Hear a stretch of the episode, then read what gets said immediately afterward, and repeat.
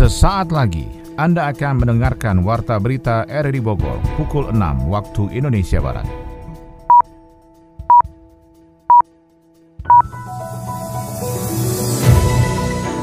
Selamat pagi dan salam jumpa. Kami kembali hadir dalam Warta Berita RRI Bogor pagi ini Kamis 17 Agustus 2023. Siaran ini juga dapat Anda dengarkan melalui audio streaming RRI Play pada perangkat Android Anda. Serta pula dapat Anda dengarkan kembali melalui podcast kami di Spotify, Anchor, Hotel, dan juga Google Podcast. Berikut kami sampaikan berita utama.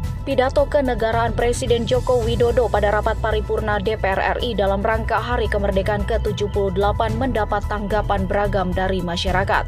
Mengantisipasi kemacetan lalu lintas di jalur puncak Bogor, petugas berlakukan ganjil genap pada libur HUT Kemerdekaan RI ke-78. Kota Bogor dan Bekasi ditunjuk sebagai tuan rumah penyelenggaraan Pekan Olahraga Bela Diri Nasional. Bersama saya Ermelinda, inilah Warta Berita RRI Bogor selengkapnya.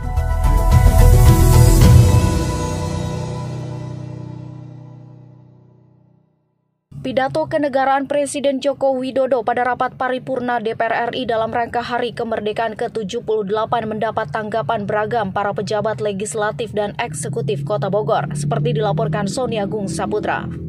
Momentum Hari Kemerdekaan RI ke-78 menjadikan salah satu makna untuk bangsa dan negara Indonesia tetap bersatu meski saat ini menghadapi tahun politik dengan adanya tak pemilu 2024 sikap untuk tetap bersatu dalam bingkai negara kesatuan Republik Indonesia dengan Bhinneka Tunggal Ika harus menjiwai setiap warga negara Indonesia. Hal itu tercermin saat adanya pidato kenegaraan Presiden Republik Indonesia Joko Widodo saat Hari Kemerdekaan RI ke-78 yang juga disaksikan langsung oleh pimpinan dan anggota DPRD Kota Bogor termasuk jajaran pemerintah daerah setempat.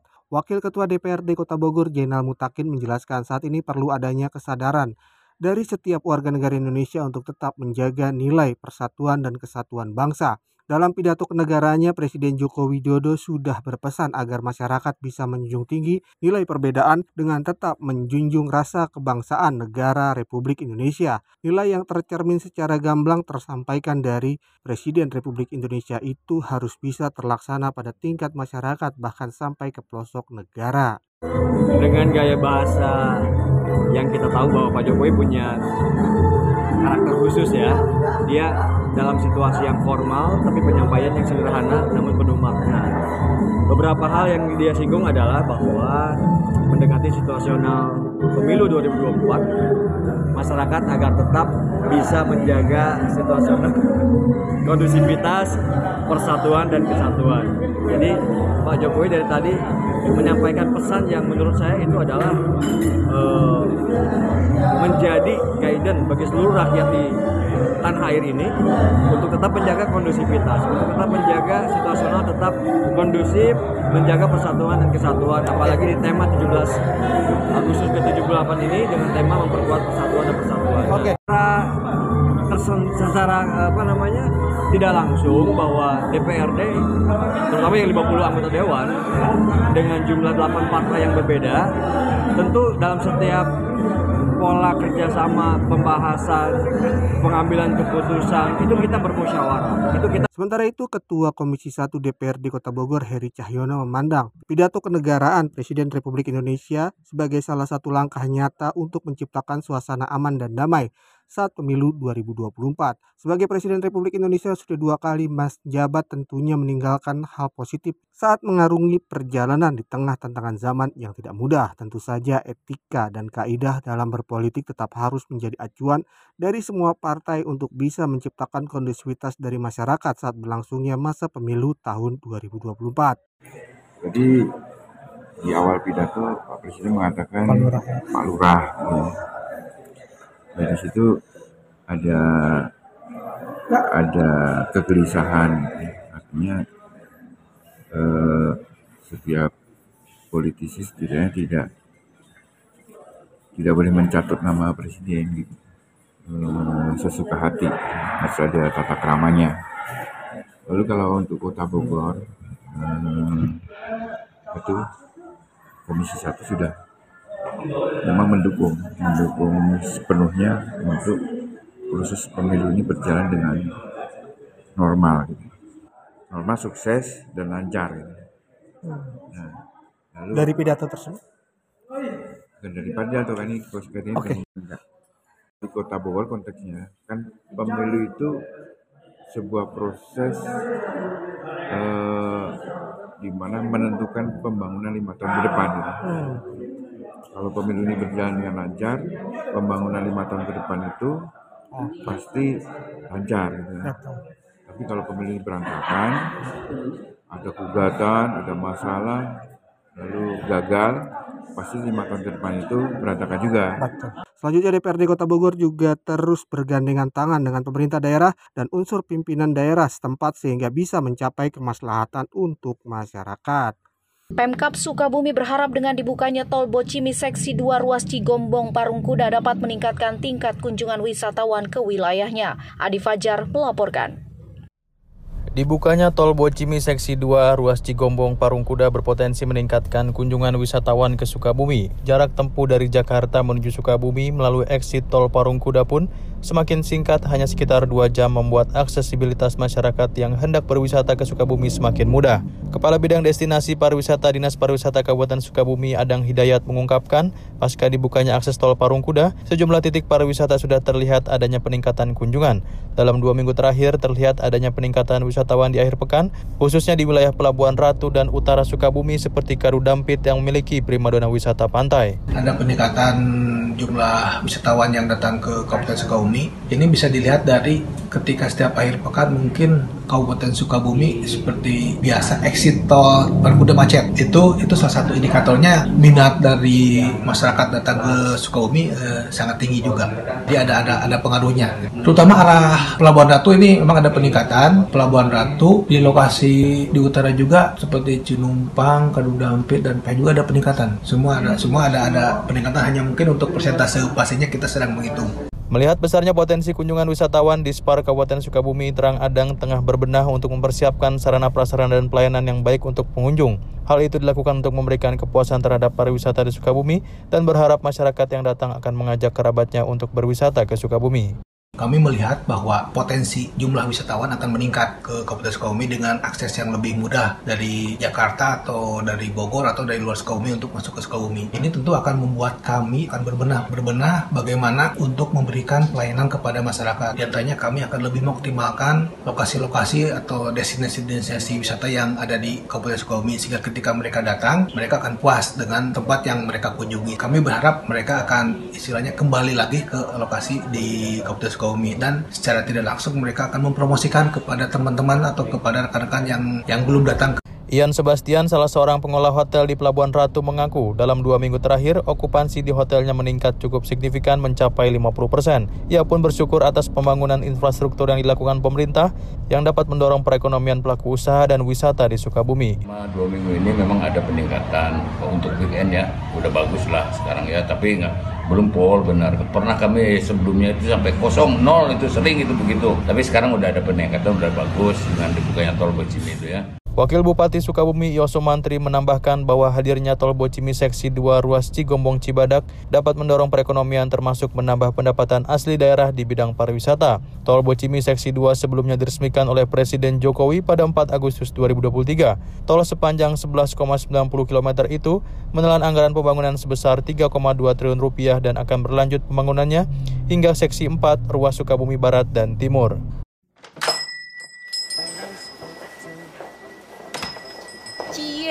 Yang abis pulang liburan. Gimana New York? Seru gak? You know, seru banget. So many tempat famous like Times Square nih yang really really crowded. Literally aku sih prefer rekomend liburan ke luar negeri ya. Kayak ada pride gitu gak sih kalau kita posting ke sosial media? That's why foto aku tuh banyak yang like. Um, perhaps later kita bisa lah go ke sana. Ih, Maisaro, Maisaro. Ngomong apa sih dari tadi? Kamu nggak understand? Gak gaul nih. Normally, anak zaman now tuh gini kali topnya. Maisaro, belajar bahasa asing itu bagus-bagus aja. Tapi kita juga perlu tahu cara penempatannya. Dan yang paling penting sih, kita nggak lupa ya sama bahasa kita. Kamu inget kan ikrar Sumpah Pemuda poin ketiga? Menjunjung bahasa persatuan, bahasa Indonesia. Ingat dong? Iya ingat, Makasih ya Francisca udah ngingetin.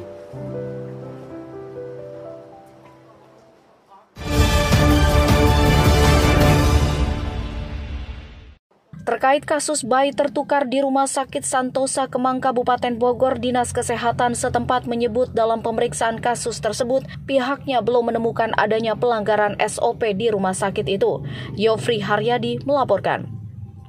Dinas Kesehatan Kabupaten Bogor akhirnya melakukan pemeriksaan pelayanan di Rumah Sakit Santosa Kemang Bogor terkait laporan seorang ibu yang merasa tertukar bayinya saat menjalani persalinan di rumah sakit tersebut. Kepala Dinas Kesehatan Kabupaten Bogor Mike Kaltarina mengatakan pihaknya sudah melakukan pemeriksaan perizinan dan standar operasional prosedur yang dijalankan RS Santosa Kemang Bogor. Lebih lanjut Kepala Dinas Kesehatan Kabupaten Bogor itu pun menegaskan belum ditemukan adanya pelanggaran dalam perizinan maupun maupun SOP pelayanan persalinan di rumah sakit tersebut. Pihaknya berharap kedua belah pihak untuk kooperatif dalam proses pemeriksaan kepolisian termasuk Ibu B untuk melakukan tes DNA terhadap anak yang kini dirawatnya. Kabupaten Bogor melalui Dinas Kesehatan melakukan dulu cross check kepada Rumah Sakit Santosa. Yang ini kita lihat hari ini kami tim Dinas Kesehatan hadir di sini bersama-sama teman-teman Rumah Sakit Santosa untuk mendengarkan kasus apa yang terjadi dan mengapa terjadi.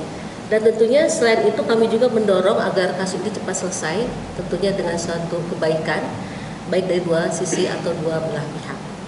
Jika ditemukan adanya kelalaian, maka pihak kepolisian akan menerapkan kewenangannya dalam perkara tersebut terkait pelayanan dari pihak rumah sakit jika benar ditemukan adanya kelalaian dan pelanggaran yang mengakibatkan kerugian pada masyarakat. Akan tetapi dalam penanganan perkara dugaan bayi tertukar, Kapolres Bogor AKBP Rio Anggoro lebih mendekatkan secara humanis kepada kedua belah pihak.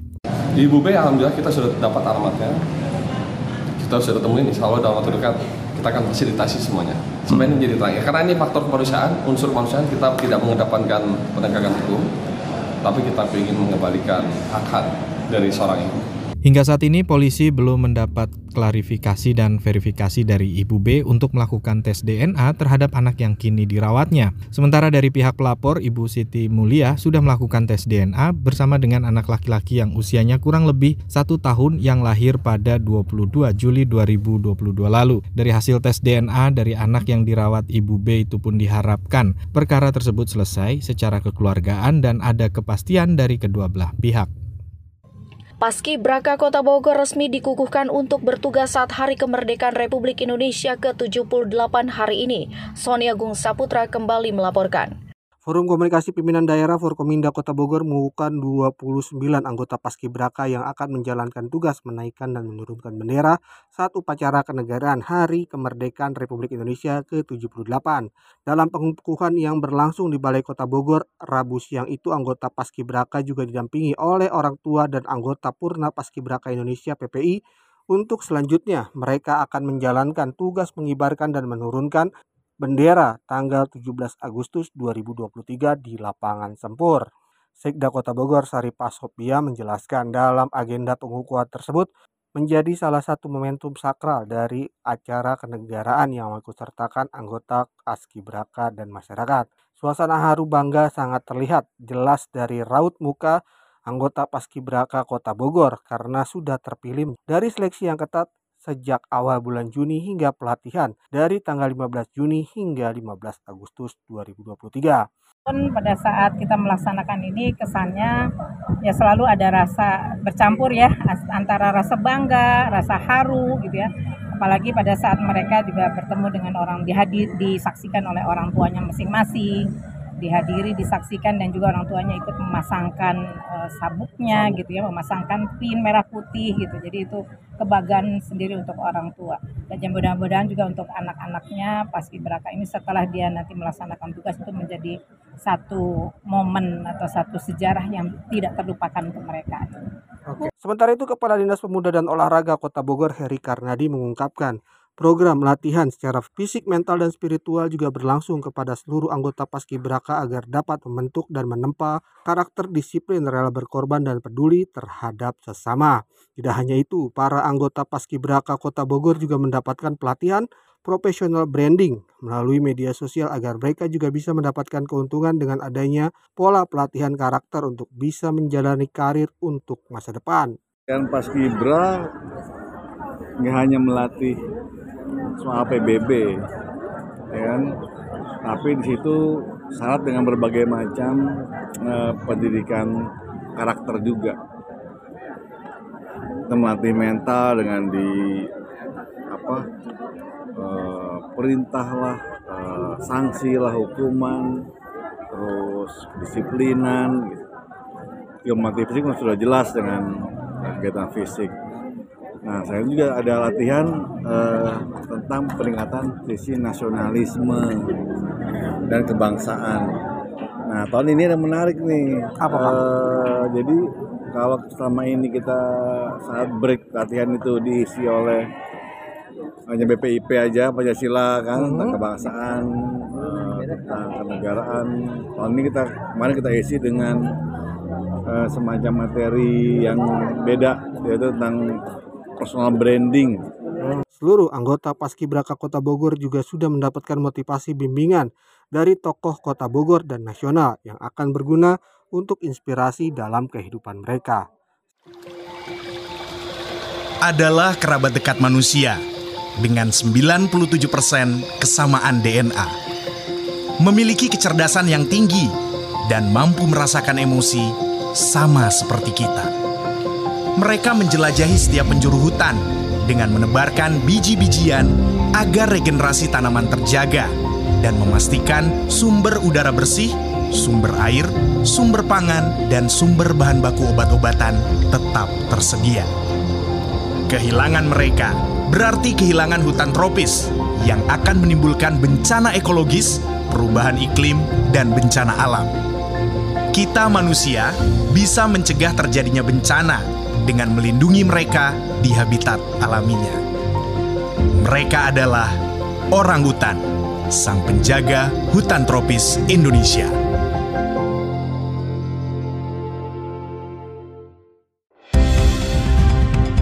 Anda tengah mendengarkan Warta Berita RRI Bogor. Mengantisipasi kemacetan lalu lintas di jalur puncak Bogor, petugas berlakukan ganjil genap pada libur HUT kemerdekaan RI ke-78. Adi Fajar melaporkan. Menyambut libur hari ulang tahun Republik Indonesia ke-78 pada 17 Agustus 2023, sistem ganjil genap diberlakukan kembali di jalur puncak. KBO Lantas Polres Bogor Ibtu Adian Novianto menjelaskan, sesuai dengan Permen Hub nomor 84 tahun 2021, di mana ganjil genap menuju kawasan wisata puncak diberlakukan satu hari menjelang hari libur nasional. Artinya mulai hari Rabu hingga Minggu 20 Agustus 2023 Satlantas Polres Bogor akan memperlakukan ganjil genap di kawasan puncak. Diprediksi peningkatan volume kendaraan di jalur puncak akan terjadi pada hari Jumat dan Sabtu. Apabila terjadi peningkatan kendaraan, maka pihaknya akan memperlakukan sistem one way secara situasional. Pihaknya mengimbau agar masyarakat yang hendak berkunjung ke puncak untuk memperhatikan plat nomor kendaraannya yang sesuai dengan tanggal saat itu. Berita ekonomi. Saudara info ekonomi kali ini merupakan isi pidato Presiden Joko Widodo pada sidang paripurna HUT RI ke-78 di Gedung DPR Senayan, Jakarta kemarin, yang mencakup berbagai prestasi di kepemimpinannya di berbagai sektor, dua di antaranya sektor ekonomi dan keuangan. Selengkapnya disampaikan Adi Fajar Nugraha. Presiden Joko Widodo menyatakan Indonesia berhasil mengatasi dampak pandemi COVID-19 yang menelan korban 6,9 juta manusia. Hal itu ia sampaikan pada sidang paripurna dalam rangka HUT RI ke-78 di Gedung DPR Senayan pada Rabu pagi.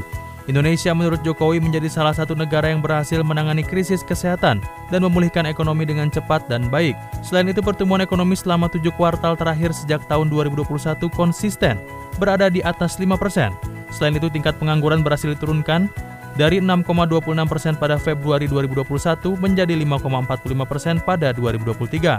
Sementara itu, tingkat kemiskinan terus menurun menjadi 9,63 persen pada Maret 2023. Sementara itu, Ketua DPR RI Puan Maharani mengungkapkan saat ini Indonesia telah mencapai kemajuan yang besar. Ia menyebutkan Indonesia kini masuk dalam 20 negara terbesar dari sisi perekonomian dengan masuknya Indonesia dalam kategori negara upper middle income. Lalu Indonesia juga sudah memiliki industri pengolahan nasional yang dapat menjalankan industri strategis. Puan menyampaikan kaum perempuan juga harus memiliki semangat yang sama untuk saling peduli dan mendukung terhadap kemajuan kaum perempuan karena masa depan dan kemajuan kaum perempuan ditentukan oleh perempuan itu sendiri. Presiden Jokowi dalam sidang paripurna juga menyatakan pemerintah telah membangun infrastruktur dan konektivitas hingga ke daerah-daerah terpencil. Hal ini menurutnya dapat meningkatkan daya saing Indonesia karena meratakan perekonomian. Jokowi memaparkan untuk membangun infrastruktur di daerah terpinggir dan terluar. Pemerintah menggunakan dana desa. Sejak tahun 2015 hingga 2023, pemerintah sudah mengucurkan dana 539 triliun rupiah yang disalurkan ke desa-desa. Daya saing Indonesia pun meningkat akibat hal ini. Peringkat daya saing Indonesia naik sebanyak 10 peringkat di tahun 2022. Presiden juga memaparkan berdasarkan data International Institute for Management Development, daya saing Indonesia di tahun 2022 naik dari ranking 44 menjadi 34. Kenaikan ini merupakan kenaikan tertinggi di dunia.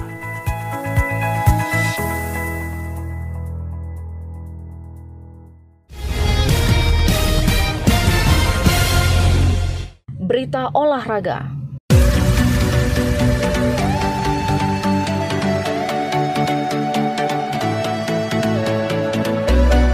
Pekan Olahraga Bela Diri Nasional akan diselenggarakan pada tahun ini sebagaimana rencana Komite Olahraga Nasional Indonesia KONI Pusat. Bertempat di kantor KONI Pusat Senayan, Ketum KONI Pusat Marciano Norman menunjuk Kota Bogor dan Bekasi sebagai tuan rumah perdana. Sedangkan cabang olahraga yang akan dipertandingkan antara lain Anggar yang bertempat di Bekasi, Kempo, Jiu-Jitsu, Taekwondo, serta Karate bertempat di Kota Bekasi. Sementara gulat, kickboxing, sambo, dan wushu bertempat di Kota Bogor. Dijelaskan Norman Pekan Olahraga Olahraga Bela Diri Nasional adalah terobosan KONI Pusat untuk bisa menambah multi-event olahraga berkualitas di dalam negeri. Sebagai tuan rumah Kota Bogor dan Kota Bekasi menyampaikan kebanggaan dan terima kasihnya. Wakil Wali Kota Bogor, Dedi Rahim mengatakan dengan dipercayakannya Kota Bogor dalam penyelenggaraan Pekan Olahraga Bela Diri Nasional, Kota Bogor akan melaksanakan amanat ini sebaik-baiknya. Dedi juga ingin terus mengembangkan sarana dan prasarana olahraga. Menurutnya penyelenggaraan akan dilaksanakan dengan sebaik-baiknya. Kota Bogor mendapatkan dampak dari kunjungan peserta Pekan Olahraga Bela Diri Nasional nantinya. PLT Bupati Bogor Iwan Setiawan menyambut baik rencana klub basket Borneo Hornbills yang menjadikan Kabupaten Bogor sebagai home base pada event Indonesian Basketball League IBL musim depan. Hal tersebut dikatakan Iwan Setiawan saat menerima Presiden klub basketball Borneo Hornbills dan jajaran manajemen lainnya di ruang rapat pendopo Bupati Bogor Cibinong Selasa kemarin 15 Agustus 2023. Hadir mendampingi PLT Bupati Bogor Kepala Dinas Pemuda dan Olahraga Dispora Kabupaten Bogor Asnan dan jajaran pengurus Persatuan Bola Basket seluruh Indonesia Perbasi. Iwan pun mengungkapkan sesuai tagline Bogor Sport and Tourism, sangat mendukung penyelenggaraan kegiatan olahraga di Kabupaten Bogor, salah satunya basket. Karena sambung Iwan bisa menambah daya tarik Kabupaten Bogor dengan adanya penyelenggaraan event Indonesian Basketball League atau IBL.